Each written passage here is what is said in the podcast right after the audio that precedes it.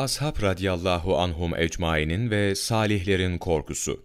Bil ki peygamberlerden sonra Allahu Teala'yı en çok tanıyan ve onun hakkında en fazla bilgisi olan kimseler ashab, tabiin ve bunları takip eden alimler ve salihlerdir. Beşeriyetin en akıllı kesimi de bunlardır. Bunlar da Allahu Teala'dan çok korkmuşlardır. Mesela Hazreti Ebubekir radıyallahu an Allahu Teala'dan o kadar korkardı ki büyük hizmetine ve erişilmez imanına rağmen keşke ben sorumlu bir insan değil, masum bir kuş olarak yaratılsaydım demiştir. Hazreti Ömer radıyallahu anın yanaklarında gözyaşlarının açtığı iki oluk vardı. Çünkü Allahu Teala korkusuyla çok ağlardı. O azap ayetlerini dinlerken de bayılırdı. Bir gün ve amel defterleri açıldığı zaman herkes neler yapmış olduğunu görür. Ayetlerini dinleyince bayılmış. Bir günde Rabbinin azabı vuku bulacaktır. Hiçbir şey onu önleyemeyecektir ayetlerini dinlerken kendinden geçmiş ve bir müddet evde hasta yatmıştır. Tekvir suresi 14 ve Tur suresi 7 ve 8. ayetlerdi. Muaz İbni Cebel radıyallahu an şöyle demiştir.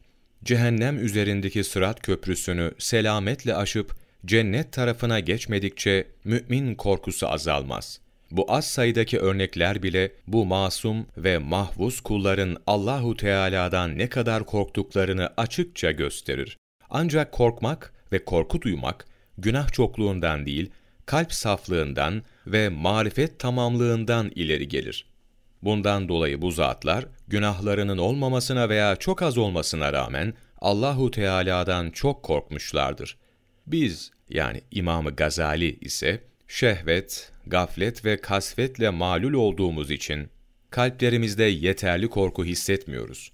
Bunu hissetmeyince de ne günahlarımızın çokluğu, ne amellerimizin azlığı, ne duygularımızın canavarlaşması, ne de bu kötü hal içinde ecelimizin yaklaşmış olması bizi ürkütmüyor ve silkeleyip harekete getirmiyor.